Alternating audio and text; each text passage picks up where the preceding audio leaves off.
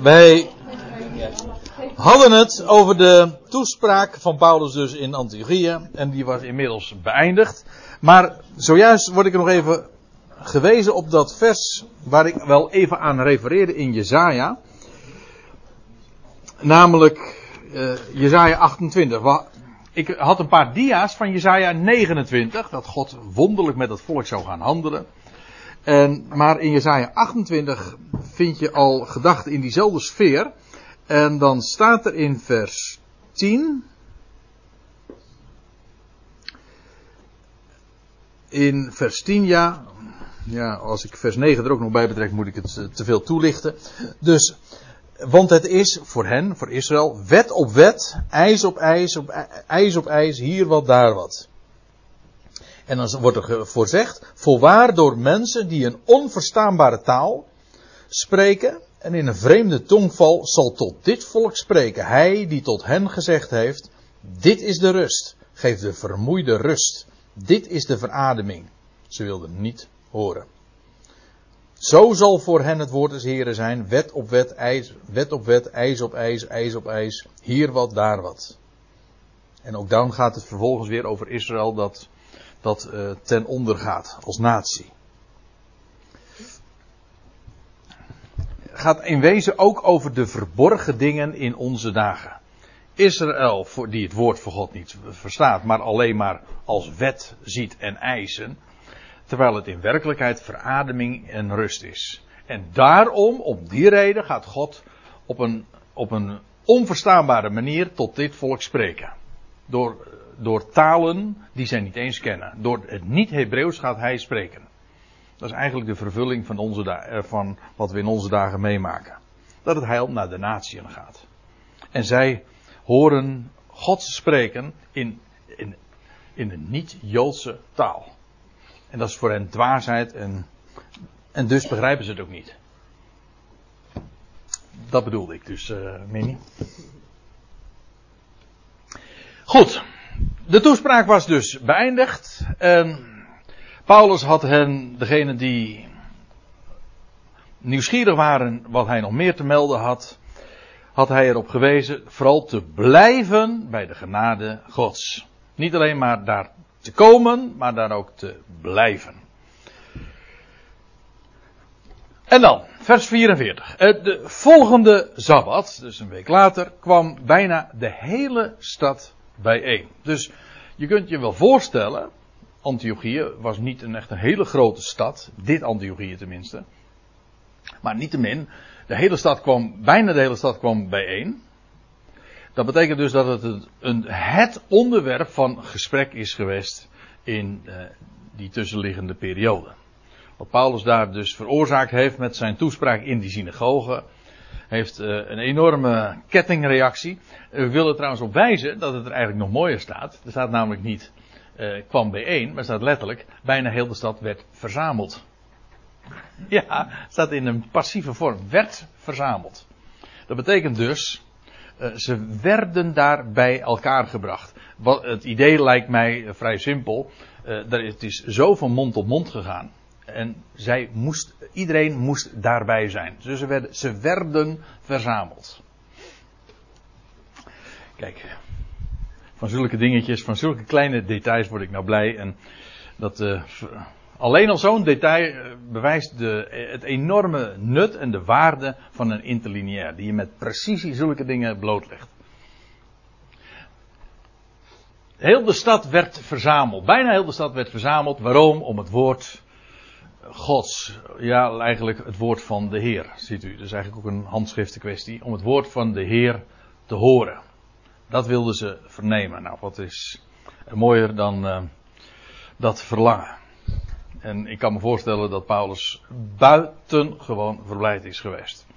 Bij, uh, bij dat alles. Hoewel er, er hem nog het een en ander te wachten stond. Maar we gaan lezen verder.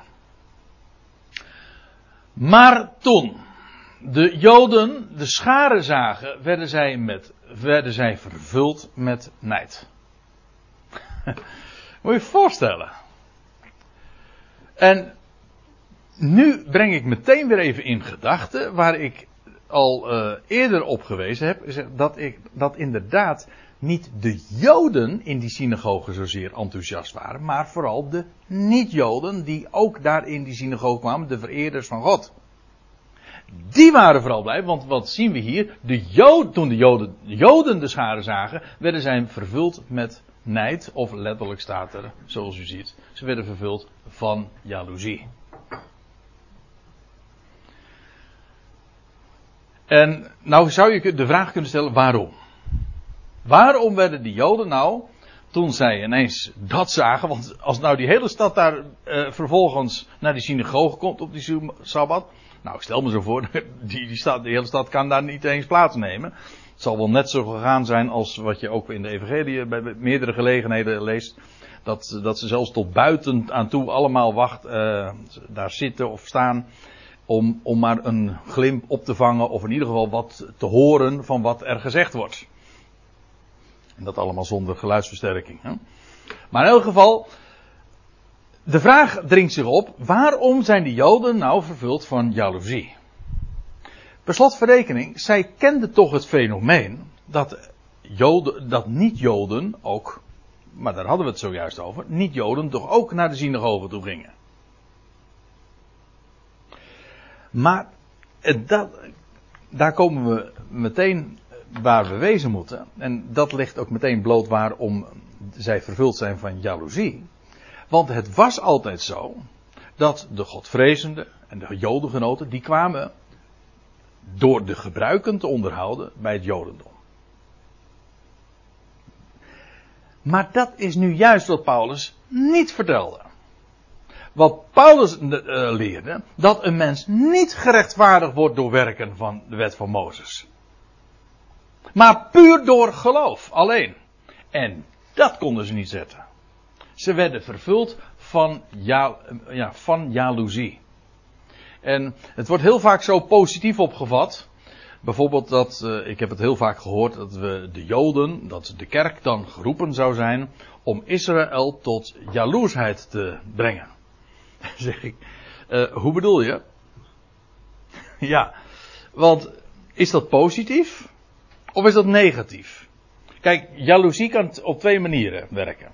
Je kan jaloers zijn en dat je graag wil hebben wat de ander ook heeft. Maar jaloezie kan ook zijn dat je de ander niet gunt wat, dat wat jij hebt. Omdat jij daardoor, omdat jouw bevoorrechte positie daardoor uh, verdwijnt. Als, kijk, het is heel, eigenlijk heel simpel. Als Paulus nou vertelt dat een mens gerechtvaardigd wordt buiten werken der wet, en dat het niets te maken heeft met de wet van Mozes, maar door geloof in Gods belofte alleen, dan betekent dat dus dat Israëls uh, plaats daarin uh, helemaal niet uniek is. Bovendien, hij had gezegd, Israël zal niet geloven als natie. Dus Israël zal verdwijnen. En nou komen, en vervolgens, nou een hele grote toeloop van mensen uit de natieën, niet-Joden, en die komen nu uh, luisteren naar wat Paulus te vertellen heeft. Zonder dat de werken der wet iets uh, daarin uh, meespeelde of dat dat, een rol, of dat dat een rol zou spelen. Voel je hem aan? Israël komt dus buiten te staan. Israël zou als natie verdwijnen, dat is wat Paulus gezegd. Het zal zeker, uh, ze zijn verachters van het woord. Israël wordt terzijde gesteld. Heil gaat naar de natieën en dat nog helemaal buiten werken der wet om. En dan, als je dat soort overwegingen erbij betrekt, ja, dan begrijp je het. Ze werden vervuld van jaloezie. Want nu werd Israël werd dus de bevoorrechte positie ontnomen, tijdelijk. En vervolgens krijgen niet-Joden volkomen buiten de werken der wet om, terwijl zij daar juist zo druk mee doende waren en zich ook op beroemden, kwamen niet-Joden in het vizier en zelfs massaal. En dit is de, de structuur die je iedere keer weer opnieuw tegenkomt in boekhandelingen. En ja, waar juist Paulus mee van doen heeft. Want Paulus verleerde inderdaad, hier al, hier in Handelingen 13 al, Israël zal niet geloven en als natie zal ze verdwijnen. En de niet-Joden, buitenwerken der wet om, die horen. Ze zijn vrijelijk uitgenodigd. Vorige keer heb ik geloof ik nog wat eh, gelezen uit Handelingen 21 ook, dat hij dat uiteenzet als hij dan in Jeruzalem is, dan is hij echt in de hol van de leeuw. En dat hij ook datzelfde uiteenzet. En dat de Heer al had tegen hem, tegen hem had gezegd, wegmaak, eh, maak dat je wegkomt uit Jeruzalem, want ze zullen geen getuigenis van mij aannemen. En dan staat, ga, ga naar de natieën. En dan willen ze, uh, al die mensen daar, die, die enorme mensenmassa daar in Jeruzalem, willen hem aanhoren tot dat woord. Niet langer. Want ja, daarmee verdween dus hun bevoorrechte positie en nu ging het heil naar de natie. Van hen werd het afgenomen en het ging nu naar de natie. ik, ik denk dat ik zo meteen nog een, een, een diaatje heb van een tekst uit Handelingen 28 die dat er prachtig uiteenzet. Maar eerst nog even dit. Toen de Joden de scharen zagen, werden ze vervuld van jaloezie en ze spraken lasterende. Hier wordt het woord blasfemo, blasfemio gebruikt, waarin wij uiteraard ook het, uh, ons woord blasfemie herkennen. Lasteren is dat inderdaad. Niet specifiek godslastering, maar gewoon lasteren. Ze spraken lasterende tegen hetgeen door Paulus gezegd werd. Zodat je hier ook meteen weer ziet dat die aandacht en het respect dat ze hadden voor Paulus, de voorgaande sabbat nog, vanwege die toespraak, dat dat niet zo diep zat. Want nu, nu ze ineens die enorme toeloop zien van niet-Joden, uh, belasteren ze Paulus en verhinderen ze hem feitelijk daarmee dus om uh, verder te spreken. Ze lasterden tegen hetgeen door Paulus gezegd werd. Het staat zelfs nog sterker dat ze contradict. Dus ja, ze spraken tegen. Oppo, ze oppo, Neerden, ja. Ja. Ze, ja, ze zeiden dus het tegenovergestelde. Ja.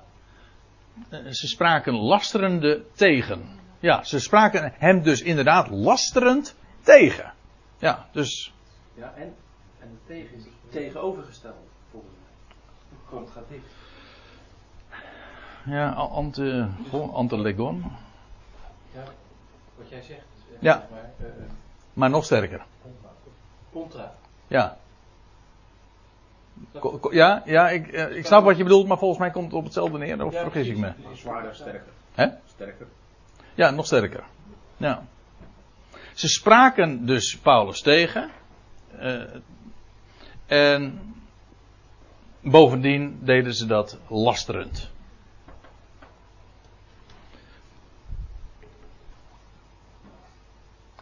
Maar hier worden specifiek, let op, eh, daar moet ik ook nog even bij zeggen, de Joden genoemd. Hier wordt niet de vereerders gesproken over de, de niet-Joden, de proselieten. Nee, de Joden. Die worden hier eh, zo ter sprake gebracht. En ze lasteren Paulus. Ook een Jood natuurlijk. Maar ja, die had een, die was een, die, dat was een heidense apostel. De apostel der natie. En ook met een heidens evangelie, het evangelie van de voorhuid. Dat lag niet lekker, om het eventjes eh, heel erg blasfemisch, oh nee, blasfemisch moet mij horen, eh eufemistisch te zeggen. Maar Paulus en Barnabas, heb je ze weer, zeiden vrijmoedig, zonder enige hindernis. Het was nodig dat eerst tot u het woord van God werd gesproken. Eerst, hier zie je dat die volgorde die je ook in de evangelie of in de brieven nogal eens een keer vindt. In Romeinen 1 vers 16 is het heel duidelijk. Eerst de Jood. De evangelie is een kracht gods. Eerst voor de Jood. Ook voor de Griek. Het is geen kwestie van rangorde, maar wel van volgorde. Eerst moest het volk het vernemen. Dat zie je heel duidelijk in het boek Handelingen. In de eerste plaats zie je dat dus. Eerst werd aan Israël als natie door de twaalf verkondigd. Het koninkrijk is, nabij, in, is nabijgekomen.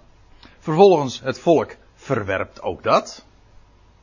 Dan wordt Paulus geroepen en die wordt geroepen uh, om te vertellen dat het heil naar de natieën is gezonden. Maar aan wie wordt dat uh, als eerste verteld? Ook aan de synagogen. Eerst wordt aan de synagogen verteld, het, het heil is nu naar de, van jullie afgenomen en naar de natieën gezonden. Het was nodig dat eerst tot u het woord van God uh, zou worden gesproken. Noodzakelijk staat eigenlijk zelfs. Zo moest het. Uh, nu kom ik uh, uiteindelijk inderdaad bij dat vers waar ik al even op zin speelde. Handelingen 28, vers 28. Makkelijk onthouden. Paulus is daar in Rome inmiddels. Dit zijn de laatste versen van het uh, boek Handelingen. Paulus is daar inmiddels in, in, in Rome gearriveerd. Heeft daar ook de, de leiders van de synagoge uitgenodigd. Ze hebben een dag afgesproken. Ze worden het duidelijk niet met elkaar eens. En dan lees je dat Paulus afsluit met een citaat uit Jezaja. En dan zegt dat, ze, dat het volk Israël horend niet hoort. En ziende blind is. En dat ze niet tot bekering komen. En de Heer hen ook niet zou herstellen. Kijk maar na, dus, uh, helaas daar heb ik het er even niet bij betrokken, maar in handelingen 28 vers 27, dus het voorgaande vers, daar staat nog dat zij niet, zich niet bekeren en ik hen, de Heer, hen zou herstellen. Dus daar in handelingen 28 wordt vastgesteld, Israël gelooft niet en Israël zal ook niet in onze dagen hersteld worden. Nou, en dan zegt hij, het zij u dan bekend dat dit heil van God, deze redding van God, aan de natieën gezonden is. Eigenlijk staat er tot de natieën gezonden werd of afgevaardigd werd. Dus dat gebeurt niet bij deze gelegenheid, maar er wordt vastgesteld, het zij u bekend, dat dit heil Gods naar de natieën gezonden werd. Dat moeten ze daar ook in Rome weten. Wel, dit is de missie van Paulus. Om dat te vertellen. Niet alleen om het te praktiseren, dat wil zeggen om de boodschap aan de natie te vertellen, maar om ook aan Israël in de synagoge te vertellen: dit is de stand van zaken. Het heil Gods is naar de natieën gezonden. En zij zullen dan ook horen. Niet meer zien trouwens. Dat is heel leuk. Want je leest in, in die voorgaande versen nog dat Israël uh, oren had, maar niet hoorde. En ogen, maar niet zag. Blind dus. Ja, dat, wat, waaruit bleek dat? Nou, al die wondertekenen die ze ook echt zagen. Maar als de boodschap vervolgens naar de natieën toe gaat, wel, die horen. Dan is het geen kwestie meer van zien, maar dat is uitsluitend van horen. Een verborgen zaak dus.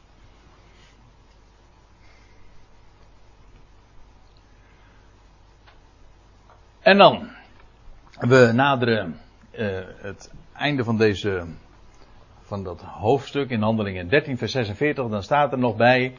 Uh, het was nodig dat eerst tot u het woord Gods werd gesproken. Doch nu gij het verstoot, jullie. Nu ook hier in, in Antiochië, zo ging het altijd. Kijk het maar na in het hele boek Handeling. Iedere keer is het proces. In de synagoge wordt het verworpen en vervolgens gaat Paulus buiten de synagoge, soms zelfs pal naast de synagoge, gaat hij verder.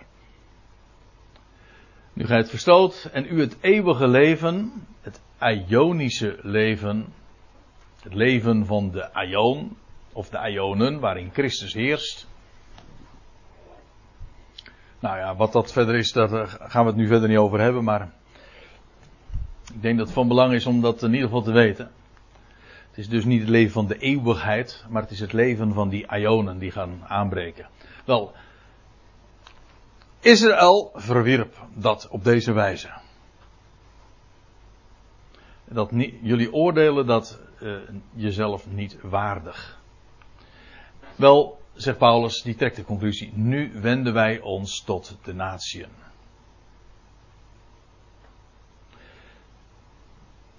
Ik heb hier een verwijzing naar Psalm 118. Um, en daar zie, daar zie je datzelfde uh, fenomeen als waar ik zo al eerder ook op wees. Ook vanuit de, de Hebreeuwse Bijbel. U kent wellicht, want het wordt, nou, het wordt nog wel eens een keer aangehaald in het Nieuwe Testament, dit vers. in de Evangelie, maar ook in, het, in de brief van Petrus. Paulus haalt het ook aan in Efeze 2. De steen die de bouwlieden versmaad hebben. En de steen, dat is uiteraard de hoeksteen, de, de Messias. Die hebben de bouwlieden, dat wil zeggen zij die het huis van Israël bouwden, dus eigenlijk ook de leiders van het volk. De steen die de bouwlieden versmaad hebben, die is niettemin tot een hoeksteen geworden. Dat wil zeggen, stel je even voor, er, wordt een, er, wordt een, uh, er zijn bouwlieden bezig. En dan een steen, die, die, gooien ze weg. Die hebben ze versmaad, die keuren ze af. Maar wordt vervolgens, diezelfde steen, wordt een hoeksteen van een ander bouwwerk. En dan staat erbij, moet je eens opletten hoe dat er dan, uh, in welke context er uh, dan nog bij staat. Van de Heere, van Yahweh, is dit geschied. Dat wil zeggen, zo heeft de Heer dit geprogrammeerd, gepland. Dit is van Hem. Zo moest het gaan. En er staat er nog bij, het is wonderlijk in onze ogen. Wie zijn die onze? Dat is Israël. Dat wil zeggen, we begrijpen het niet. Het is wonderlijk, dat wil zeggen, het is ook verborgen in onze ogen. Hier wordt ook weer die, meteen weer die, dat gelinkt aan de verborgenheid. Israël wijst de, de, haar Messias, de Eben, af. De zoon. Maar niettemin, hij wordt de hoeksteen van een ander bouwwerk. De Ecclesia, de gemeente in onze dagen. Als je niet geloven wil, moet je maar eens lezen in Efeze 2, waar Paulus dat ook inderdaad zo zegt. Dat wij gebouwd worden op de hoeksteen, het fundament van de apostelen en profeten. En als je dan zegt van ja, maar de gemeente is toch verborgen in het Oude Testament. En dan zeg ik ja, daar bijvoorbeeld. Het wordt niet expliciet gezegd, maar het wordt impliciet op een verborgen wijze wordt het aangegeven. En het is inderdaad wonderlijk in onze ogen. We verbazen ons erover. En wist u dan dat dan ook dit vers volgt? Vroeger zongen we het vaak. Dit is de dag die de Heere gemaakt heeft. Laten we juichen en ons daarover verheugen. En als u het mij vraagt, heeft dat ook alles te maken met de verborgenheid waar wij nu in leven. Die dag. Ook die heeft hij gemaakt. Nou ja, ik geef het uh, ter overweging. Eh? Ja. Je bedoelt als de dag dan aanbreekt dat zij, Israël, gaat juichen. Dat kan ook nog. Ja. Dus als de bouwlieden hem alsnog gaan uh, erkennen. En de dag, inderdaad, die voor de heren duizend jaar is. Ja, dat is ook nog. Uh, daarom zei ik, ik geef het ter overweging. uh, ook dit is. En dit, dat zie je dus heel vaak in de profetieën, maar ook in de psalmen. In dat soort uitspraken, die blijken een dubbele bodem te hebben. Het heeft iets te maken met de, de, de, de huidige tijd. Maar je kunt net zo goed ook verdedigen dat dit te maken heeft met wanneer Israël alsnog tot uh, erkenning komt. En dan zullen ze juichen. En dat die dag inderdaad het Messiaanse Rijk is, de duizend jaren.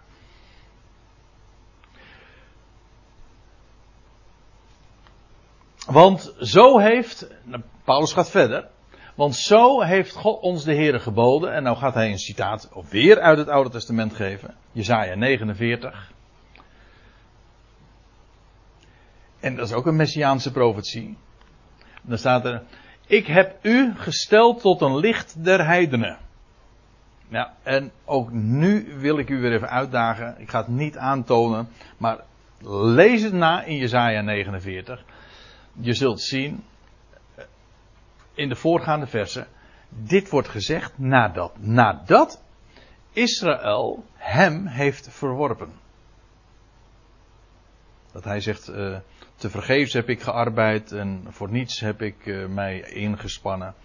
Het volk wilde niet. Wel, maar wat zegt God dan? Ik, dus God zelf wordt hier sprekend ingevoerd. Ik, God, heb u, Messias, gesteld tot een licht van de natie.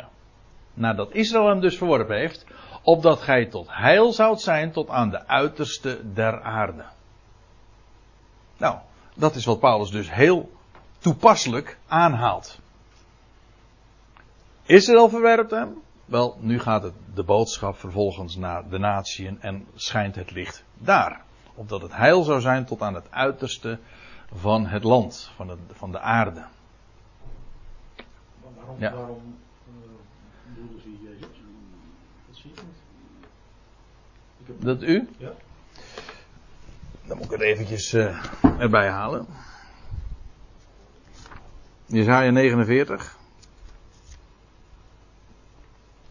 Ja, je bedoelt omdat in vers 3 staat, gij zijt mijn knecht Israël in wie ik mij zal verheerlijken. Ja. Ja, oké. Ja. Eh, ja, en dan, zie, dan, dan raak je trouwens nog, nog een andere kwestie aan. Wie is de knecht des Heren eigenlijk in, het, in, in Jezaja? Hm? En daar kun je ook twee antwoorden geven. Dat is Israël, dat zie je hier letterlijk. Gij zijt, gij zijt mijn knecht Israël, in wie ik mij zal verheerlijken. Maar bla- blader je nou even verder, ja, is vrij bekend, Jezaja 53. Daar heb je ook de knecht des Heren. En wie is het dan? De Heer Jezus Christus. Ja, en dat blijkt ook nog dat dat in Jezaja 49 ook de gedachte is, in vers 4. Dat er dan staat, eh, doch ik, zeide, tevergeefs heb ik mij afgemat, voor niets en vruchteloos mijn kracht verbruikt. Evenwel, mijn recht is bij de Heer en mijn vergelding is bij mijn God. Wie zegt dit? Zijn de, de, dit zijn woorden van Israël, van, de, van Israël als natie.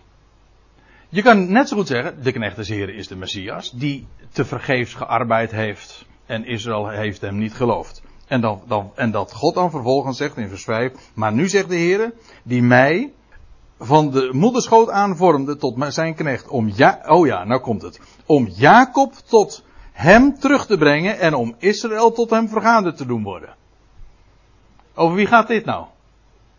Dat kan dus niet meer over Israël gaan. Want er staat juist, of hij is van de schoot van zijn moeder aan gevormd, om Jacob tot hem terug te brengen en om Israël tot hem vergaderd te doen worden. Dus eh, dan blijkt ineens Israël de Israëls Messias te zijn. Die de taak heeft om Jacob tot de Here terug te brengen. Nou, en als dat dan te vergeefs eh, is, te vergeefs de Heer zich daarvoor inspant, dan zegt hij deze woorden. Het is te gering, vers 6, dat gij mij tot knecht zou zijn om de stammen van Jacob weder op te richten en de bewaarden van Israël terug te brengen. Ik stel u tot een licht der volkeren, opdat mijn heil rijke tot aan het einde der aarde. Dus dat hier inderdaad sprake is van de Messias, die tevergeefs heeft geprobeerd, menselijkerwijs gesproken, om Israël tot eh, bekering te brengen. En juist doordat zij dat eh, Israël de boodschap afwijst, gaat eh, het licht van de Messias naar de natie toe. Ja, zo kom je eh, zomaar in, in een hele bespreking van Jezaja 29. En ook op de belangrijke vraag van wie is nou de knecht des Heren? Want dat is een heel dubbel antwoord. Dat wil zeggen, een, een, je hebt een, de oppervlakkig antwoord. Maar het diepste antwoord eh, is, wijst altijd, hoe kan het ook anders, eh, op de Messias zelf. Ik stel voor dat we dat eh, onderwerp nog eens voor een andere keer parkeren. Want terwijl ik erover spreek, denk ik van, goh, dit moet ik toch wat nader toelichten dan dat ik nu eventjes doe.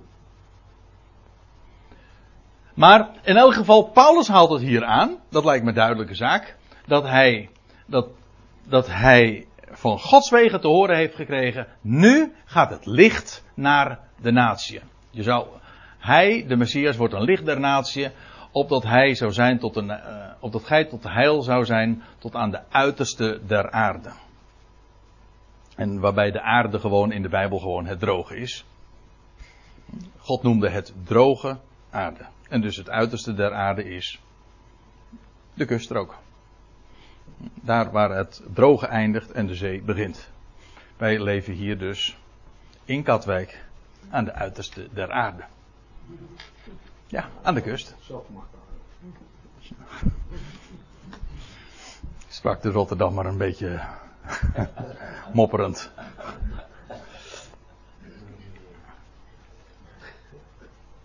Nou, en dan lees je nog. Eh, ja, wil ik nog eventjes uh, vers 48 erbij betrekken. Toen nu de natieën dit hoorden. Paulus, Paulus haalt dit zo aan en, en hij zet het zo uiteen. En moet, je moet je voorstellen, die hele mensenmassa. Die is daar op de been gekomen op die sabbat. De Joden die eh, mopperen en die zijn vervuld van jaloezie. Maar nu staat er. Toen nu de natieën dit hoorden. Verblijden zij zich en ze verheerlijkten het woord van de Heer. Staat zo tegenover en in contrast met de reactie van het volk, de synagogen, zij die het allemaal zo goed wisten. Zij verheerlijkten het woord van de Heer en alle die bestemd waren ten eeuwige leven, kwamen tot geloof. Eh, pardon, geloof kwam tot hen. Hm? Er staat er eigenlijk gewoon, zij geloofden. Aorist, onbepaalde tijd. Zij geloofden. En hoe komt dat nou? Wel, de Heer had hen ertoe bestemd. Staat er nergens, kwamen tot geloof? Nee, nergens. Nee, in onze vertaling, in de, in de Statenvertaling trouwens ook niet, hè? Maar in de MBG-vertaling staat het, eh, ja, met name in het boek Handelingen, al een heel aantal keren. Maar het staat er iedere keer gewoon, ge- ze geloofden. Nee, ze kwamen toch, ze geloofden. Ja, en ook hier zie je weer, het is zo duidelijk, God opent de ogen, God bestemt je ertoe. Alles is in zijn hand, alles past in zijn plan. En het woord des Heren verbreidde zich door het hele land. Ik, kan- en hoe dat ging, dat weet ik niet. Het staat er ook niet bij. Maar ik kan me er wel iets bij voorstellen. Want het hele volk, of de mensen, die, die verblijden zich om dat wat ze hadden vernomen van, van Paulus. En als een lopend vuurtje is het, eh, heeft het woord zo zijn werk gedaan. De Joden die stookten de aanzienlijke vrouwen die God vereerden en de voornaamste van de stad op. En ze verwekten een vervolging tegen Paulus en Barnabas. En dreven hen uit hun gebied.